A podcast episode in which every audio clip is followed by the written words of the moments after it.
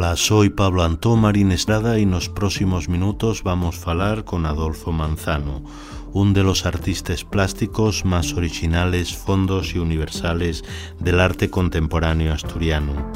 Escultor y experimentador de formas y materiales, la lengua asturiana siempre fue una herramienta en esos manes, como la reflexión sobre el paisaje que nos define, nos construye y nos destruye. Nayuri, un espacio a Fallaizu para falar posao.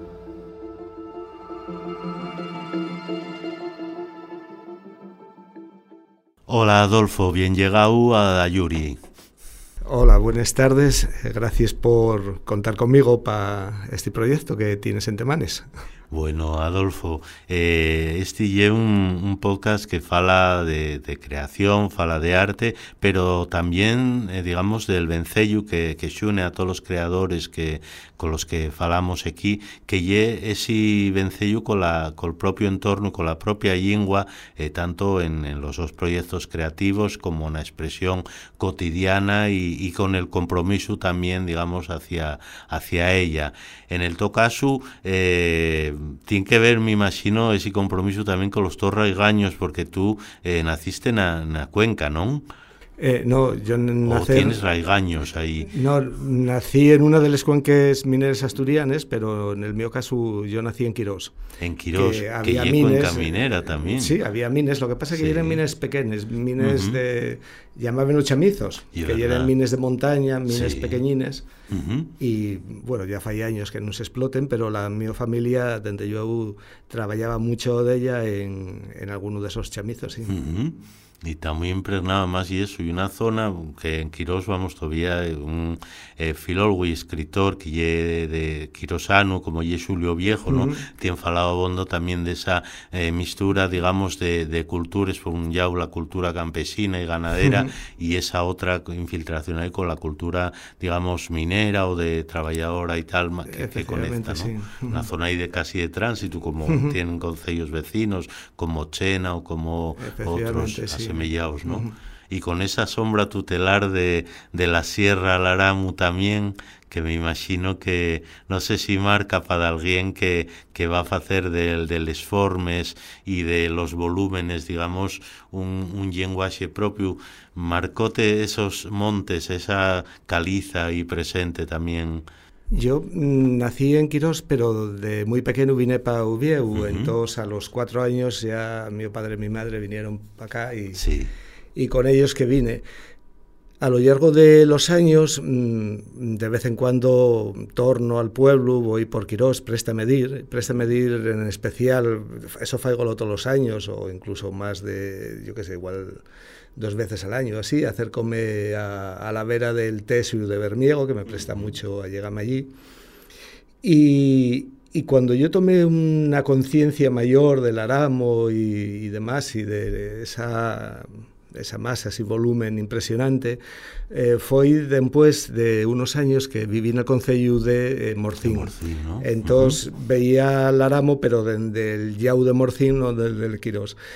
Y viviendo en Morcín fue cuando yo sí mm, tuve mm, un mayor contacto y mm, digamos que una mayor influencia tanto del Monsacro como del Aramo, ¿no? que son esos dos moles impresionantes, másiques, ¿no? en la nuestra cultura. Y digamos que marcóme posteriori más que, que de Nenu, que bueno, de Nenu paz que faes menos caso a, a, sí. a, a las cosas, ¿no? o en todo caso tienes otras inquietudes que de maior que sí que ya al paisaxe eh, yo además que traballé abondo sobre ese asunto eh, e algo que me interesa digamos que foi despois cuando tomé conciencia e, e, de, e fice algún traballo incluso eh, bueno, sobre todo en el, en el Monsacro fice uh -huh. unha instalación fai ya unos cuantos años que tenía que ver con ese lugar máxico e y espiritual que el Monsacro, ¿no? al pie de, del Aramo. Y ahí que de verdad coincidiste, no sé si en el tiempo, pero con una pequeña colonia que había ahí de artistas también, con Hugo O'Donnell y María mm. Rodríguez, ¿no? Fueron en el mismo entorno. Ellos fueron después, ¿no? Mm. Pero también atraídos, me imagino, por esa, esos fuertes, no sé si telúriques o, o por lo menos culturales, porque acaben marcando el paisaje de mm. alguna manera, ¿no? Yo creo, y a los que viven en él. Sí, allí vivíamos mm, Maite Centol y yo. Maite Centol también. Y Hugo y Mari fueron, porque, bueno, alguna vegada que fueron por casa y, y vieron el lugar y fueron ellos también para allí a vivir y allí siguen ellos viviendo, sí, desde falla unos cuantos años, sí, yo creo que desde el 90 o por ahí, sí. Eh, tienen el sotaller y allí siguen viviendo, sí, en sí. Sí, y vamos, tú en ese nenu que, vamos, que vino de muy pequeñín para aquí, para Ubieu, para un entorno distinto, urbano, yo no sé si seguías manteniendo el, digamos, el, es el típico que iba ahí al pueblín al fin de semana o por los veranos, o, o es ir vencido, rompióse de alguna manera con, con esa llegada de la familia a Ubieu. Diva poco porque la mayor parte de la familia, eh, de la familia de mi padre, eh, de mi madre era muy pocos, cosas raras en aquel tiempo, y trasladaronse a vivir a, a la zona de León. Y la de mi padre, mmm, que eran muchos más hermanos, y eran 12, eh, cada uno tiró para un lugar, unos para Sisión, para pa Riosa, para diferentes lugares. De tal manera que eh, perdí el vínculo, salvo uh -huh. con el mío padrín, que siguió viviendo allí, y de vez en cuando sí que por verano iba alguna temporadina para pa Quirós. Pero bueno, mmm, non me facía mucha gracia ir para o pueblo porque sí. non había nenos, entonces mm. era un lugar moi triste, claro. que pouco divertido, en Ulleu, sí, sí. bueno, yo eh, estábamos todo el día, todo el verano por la calle, camín de la piscina, por los praos de la hería, xugando, facendo casetes de travesures de neno. Y ir a Quirós aquello era muy triste. y luego también yo creo que condicionado también por la mirada de, de mi madre que uh -huh. ella marchó del pueblo y no quiso saber nunca más nada de, de Quirós ni del pueblo. También ye, verdad, que ellos tocaron años claro. difíciles, complicados, de la guerra, la posguerra, eh, y con todo lo que supone la vida en el pueblo, donde todo el mundo se conoce, donde hay hubo griesques entre vecinos y, y bueno, digamos que un contexto complicado por, por la época y de tal manera que sobre todo mi madre cuando marchó no quiso volver a tener relación con, uh -huh. con el pueblo y entonces de alguna manera eso transmitiómelo y yo recuperé luego ya una vez mozu que uh -huh. bueno de alguna manera busques la tu identidad eh, y ese lugar que de alguna manera está también en la memoria por aquellos veranos que diva y de cuando todavía yo era muy pequeñín que bueno está ahí acuérdome siendo muy pequeño eh, esto de la memoria y es singular yo tengo pleno recuerdo por ejemplo de, de ser muy pequeño y decían ven, ven, mira que ahí cazaron unos osos, ven a velos. Y acuérdome, unos osos, ¿eh? Sí, sí, como... y, y, yo acuérdome del guaje que decía, bueno, unos osos como un perro, vamos, sí, sí. no y veía mayor trascendencia. ¿no? Hasta luego cuando yo es mayor dices, coño, llevaban osos ahí cazados, ¿no? Como sí, sí. si fuera un xabalí o sí. Y entonces, bueno, vas componiendo todo ese paisaje, todo ese imaginario que, que, cada uno guarda. Y ya te digo, en la actualidad presta a medir de vez en cuando por allí a comer, a ir al monte y, uh -huh. y, sí, y vivir ese lugar, sí. Y en el, en el todo caso, digamos eso, la vocación creativa o la necesidad de, de crear, eh, estaba ya en ese nenu ahí que hacía casetes con los otros guajes ahí, en los, ahí de esos nenos que en ese tiempo jugaban en la calle, hoy en día dices en un viejo que los nenos jugaban en la calle y suena un poco como de otra, no sé, de otro siglo tal, ¿no? Pero había ya de algo latente ahí o cómo fue el tu, digamos, descubrimiento de, del esforme formes que más allá del xuego de los nenos eh, significaban de algo más o, querían significar de algo más. Sí, de neno mm, prestábame facer facer cosas, sí. Uh -huh. eh, dende esas casetas que facíamos a yo que sé, facer cosas con palos ou ou incluso unha cosa que fice hasta que abrase unha mano que que era facer formes con chapes de de de conserves de les lates. Uh -huh y facía formes con ellas, luego iba por ahí buscando por la basura plástico, fundía lo quemaba, vamos, sí, daba y calor, fundíalo uh -huh. y echaba los moldes, entonces facía formes de, de, plástico. Hasta que un día cayóme un montón de plástico, quise tirarlo del molde que tenía, la, lanzarlo, cayóme encima de la mano y abrazóme la mano, quedóme el plástico pegado, entonces allí frustróse esa eh, esa manera de traballar. Pero bueno, sempre tuve facendo cosas y relacionadas sobre todo con les formes más que con lo pictórico. Uh -huh. Y luego el paso ya a ponerme más en serio, a traballar, a querer dedicarme a ello, eh, poner en foto y, uh -huh.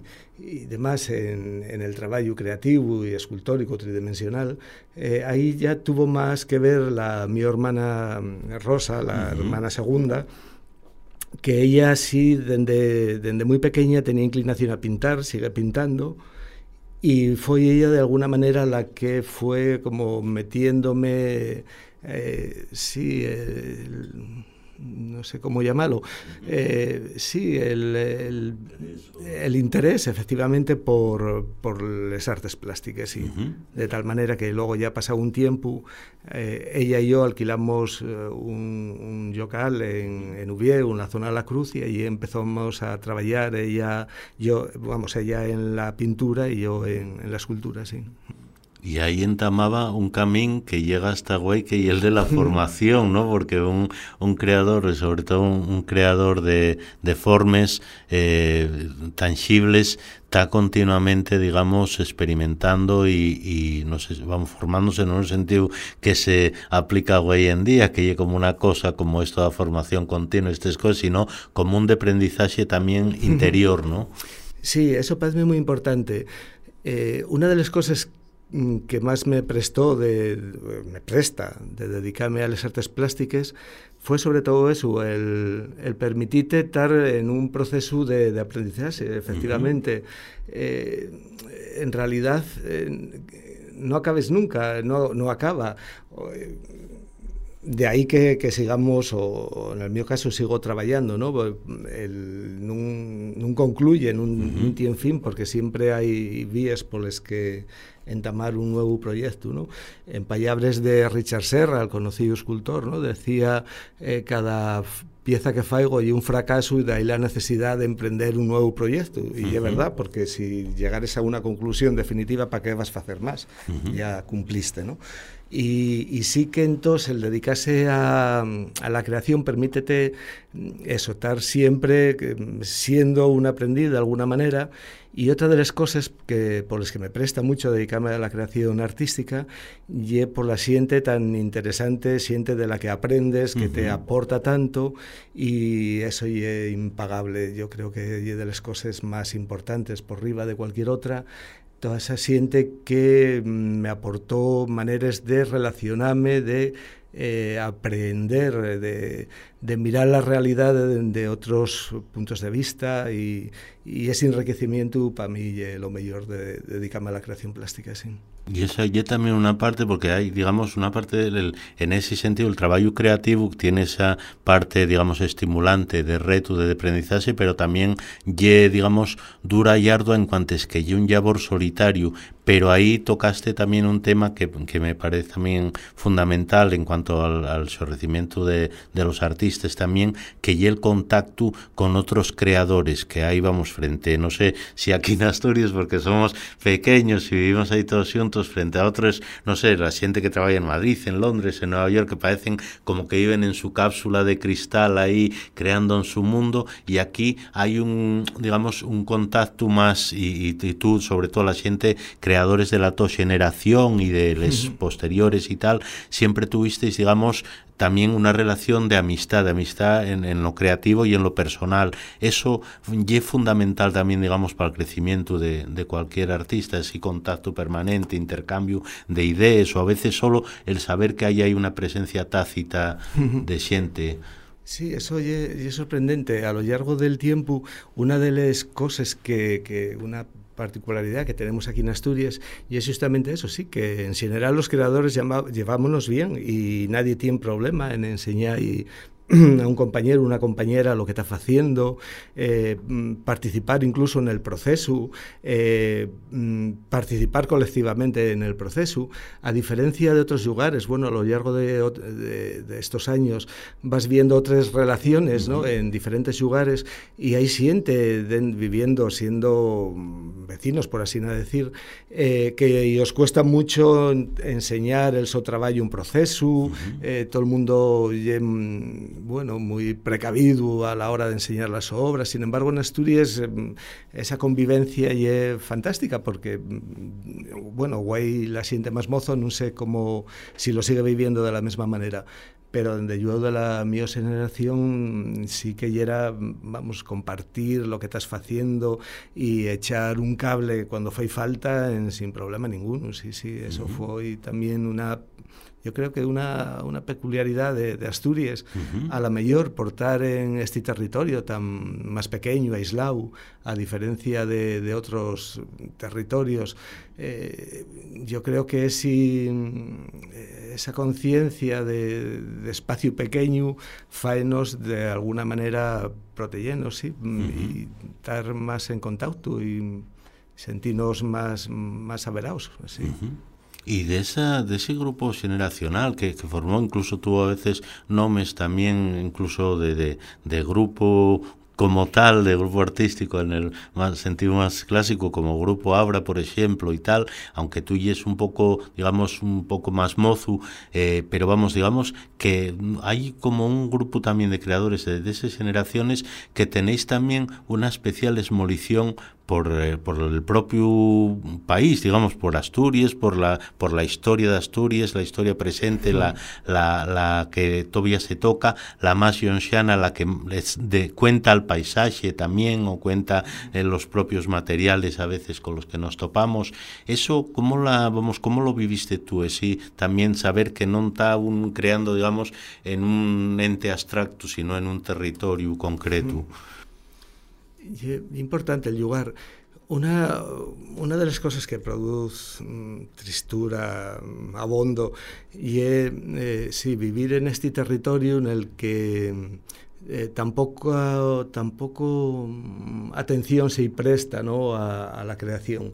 Eh, préstase atención cuando, cuando vienes de fuera o cuando saliste fuera, pero, pero en general préstase poca atención. Sí. Y una pena. Y una pena porque prestase poca atención mm, eh, en general a los creadores eh, de anguaño, pero préstase poca atención en general a, la creación, préstase en general poca atención a la cultura. Y eh, bueno, yo creo que hay un detalle significativo eh, el que la lengua asturiana eh, siga estando como a principio de, la llegada de la democracia, ¿no? sin un reconocimiento, bueno, ahí en un ocasión guardado, yo, si hay algo que que me esmolez, que me produce eh, incluso cabreo, y que a estas alturas, en el 2023, por ejemplo, siga la toponimia, eh, una toponimia absurda, ¿no? castellanizada, sin sentido, porque un de dos, o que la faigan en castellano da fecho, o, vamos, no tiene sentido.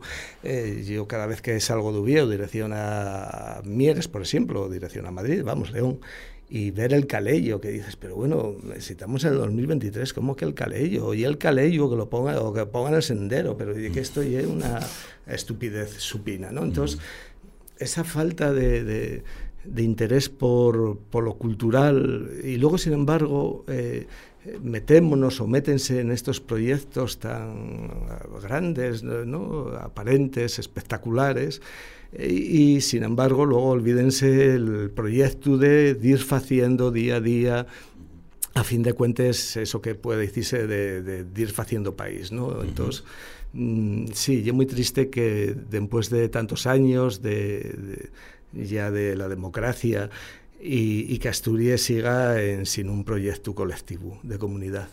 Parece que seguimos, mm, bueno, pues mm, probando por aquí para allá, pero sin un proyecto definido. Yo creo que eso es triste y, y donde yo mm, debiera cambiarse, aunque parece que no, no todavía el tiempo de que esto pase, ¿no? Y a ti como artista, ¿crees también que la creación, el arte, tiene, en el tu caso, un compromiso ético evidente? O sea, digamos, les, los dos proyectos, los dos obras, digamos, siempre eh, inviten a la reflexión, a la reflexión crítica o a la reflexión, eso, la reflexión posada sobre determinadas realidades de determinados asuntos. Y es el, digamos, lo, que a ti te interesa como creador.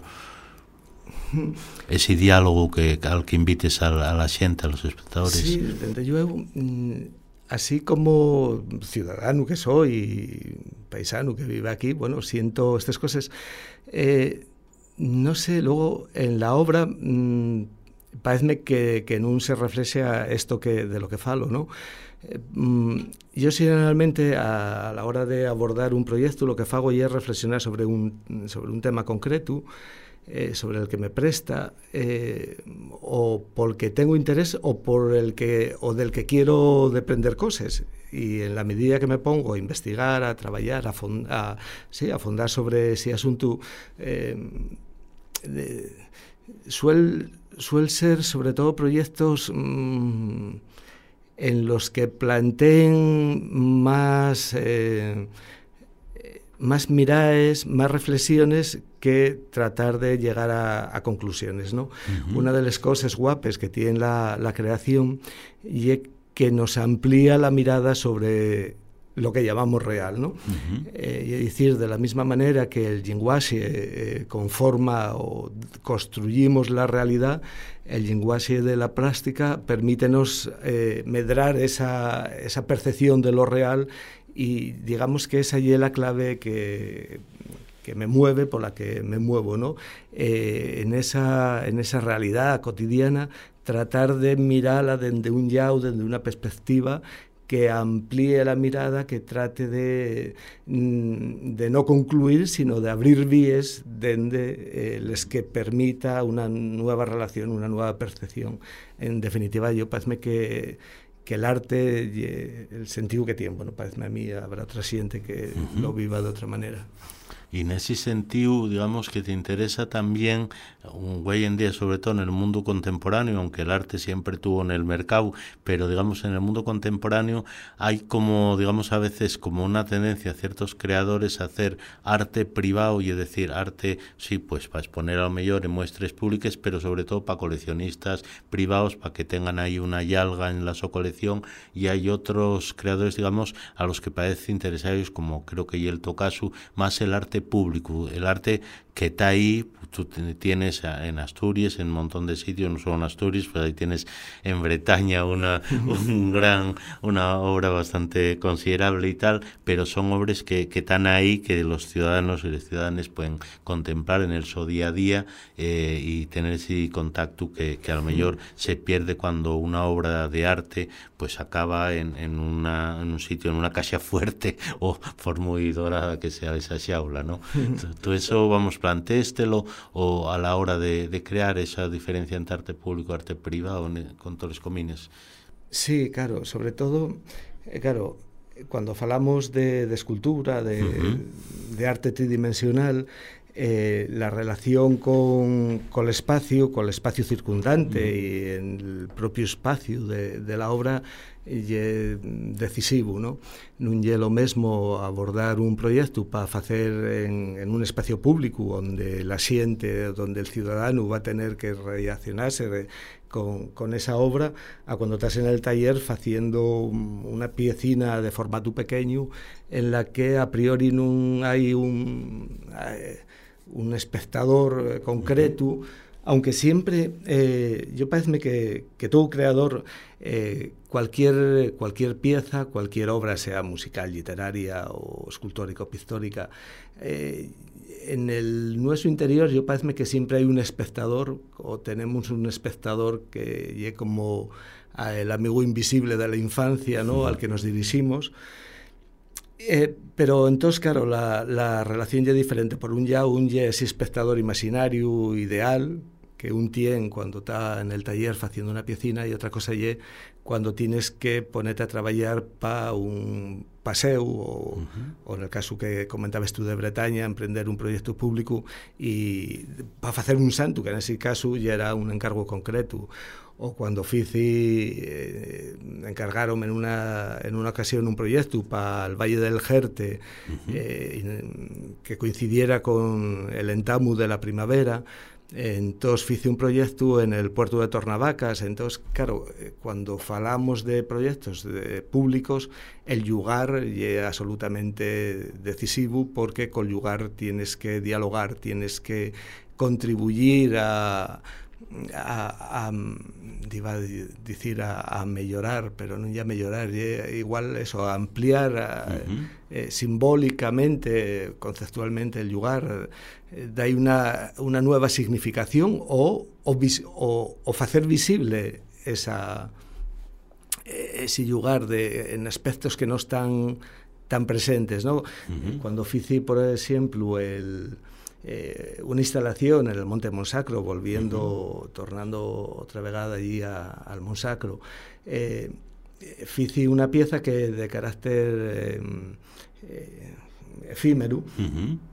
y, y de aquella, eh, lo, sí, esa sí era una pieza que tenía que ver efectivamente con el lugar, con la memoria, eh, con el, el, territorio, con Asturias, y, y de aquella entonces eh, mm, leí mucho sobre el lugar y una de las cosas eh, que, que, que, en aquel tiempo me interesaban y era el Monsacro eh, hacía hasta poco tiempo eh, en la fiesta de Santiago quemaban un monigote eh, uh -huh. el día de Santiago un monigote que llamaban al tararu después eh, o en aquel tiempo enteréme que el tararu en realidad ya era taranus uh -huh. Eh, eh, un dios, es, eh, el dios romano, de, ¿no? sí, uh -huh, sí, de los truenos y las tormentas. Efectivamente, sí. Uh -huh. eh, tenía un rayo en la mano y, como atributo, sí. Y entonces eh, pretendía con aquel proyecto efectivamente mm, dar visibilidad a, a, ese sentido de, eh, de sacralidad del lugar precristiano.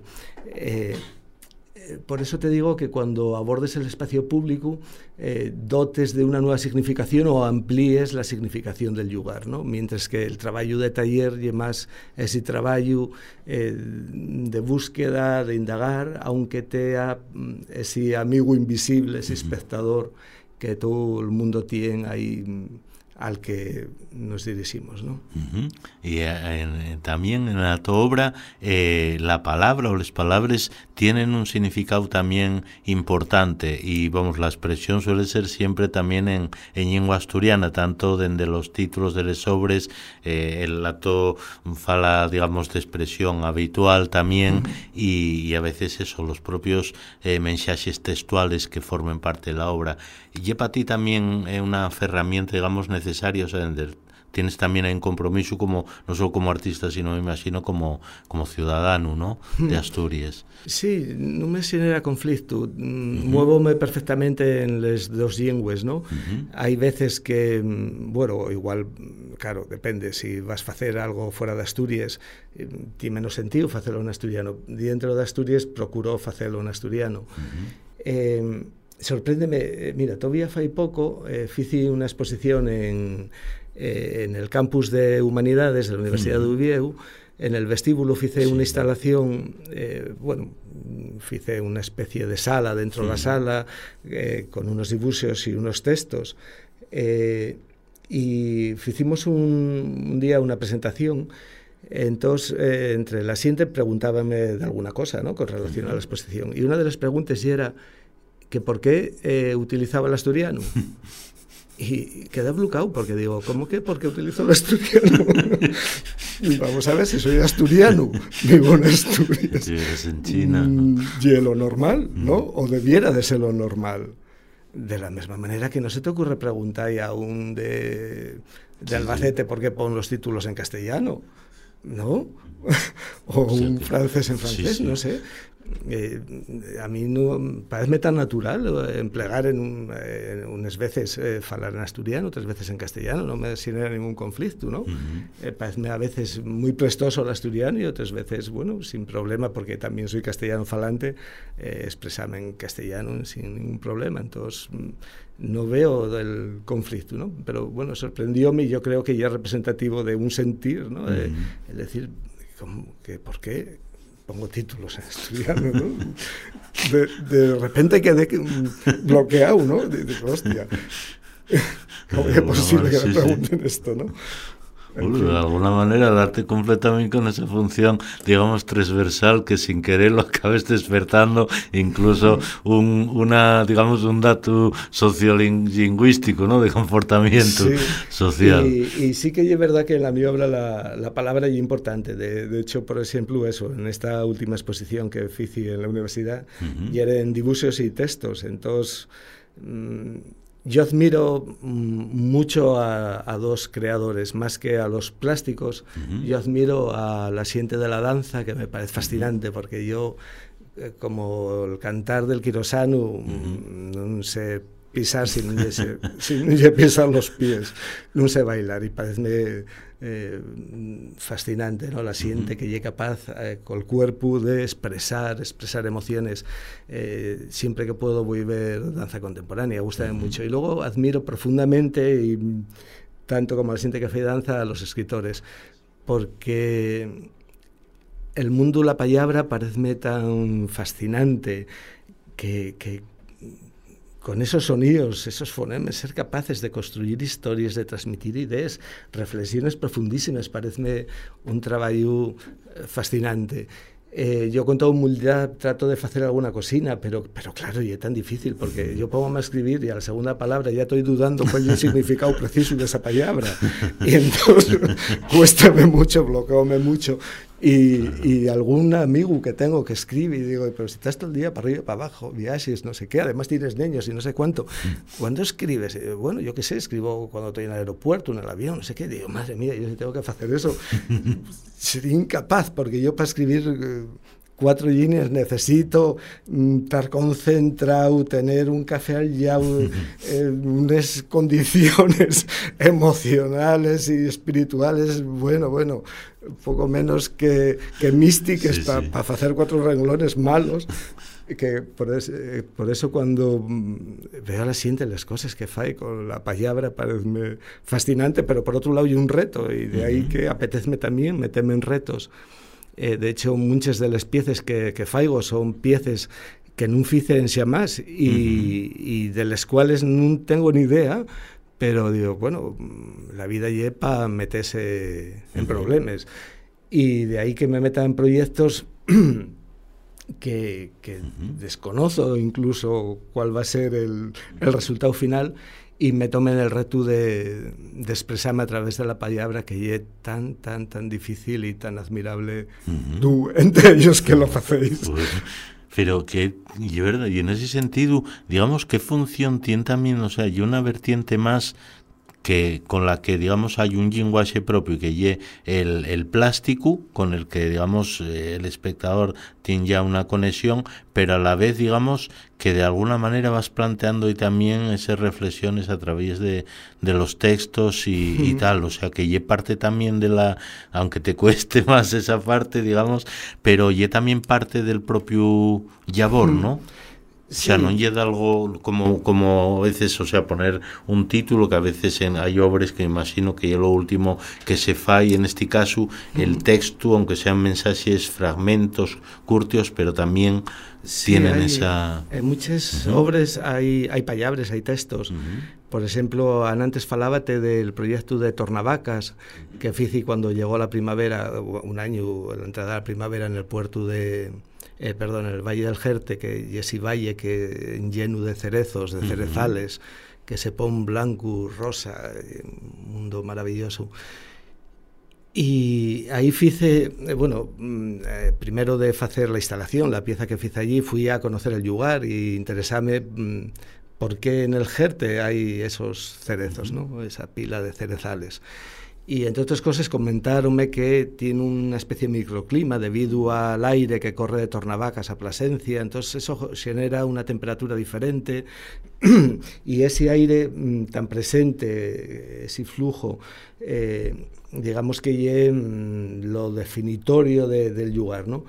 Eh, entonces, para aquel proyecto lo que hice fueron, en el puerto de Tornavacas, hice seis banderes, seis banderes blanques, en mástiles que estaban un pelín oblicuos para que no fueran como banderes o como mástiles militares o de mm, carácter oficial, sino que estaban un pelín inclinados, generaban una mayor dinámica.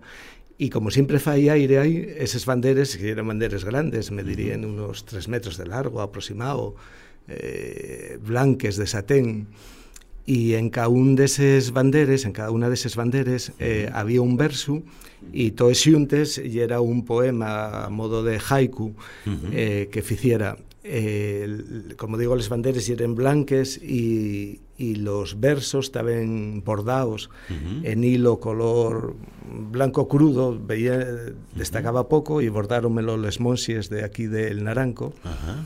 Y, entonces ya era una pieza en la que reunía todos esos elementos. Por un lado ya era una instalación en el lugar, por otro ponía énfasis en, expresar esa idea de que el viento ya era fundamental en ese lugar. Eh, la dirección del viento con esas banderas puestas. Al tiempo falaba eh, como un haiku de ese lugar, de ese lugar tan especial a través de la palabra eh, de, los cerezales, eh, del viento, del verdor, de, de esas emociones que me producía a mí ese lugar. Por lo tanto, intervenían, eh, y era escultórico en cuanto que son elementos tridimensionales, eh, físicos, con los que dimensionase. Por otro lado, tiene ese carácter de instalación, por otro lado, tiene ese carácter literario, digamos que generalmente...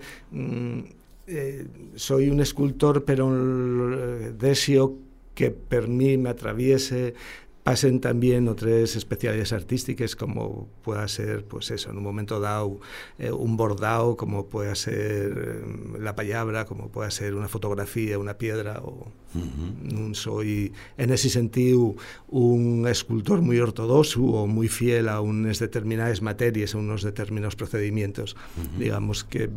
Eh, actúo con libertad, que ya como creo que hay que actuar en el proceso de creación con libertad, porque si cuando me pongo a crear no soy libre, entonces qué sentido tiene. Cierto, y como decían los clásicos, tempus fugit, del tiempo fuge, y, y, llegamos hasta aquí en esta, en esta charla fascinante con Adolfo.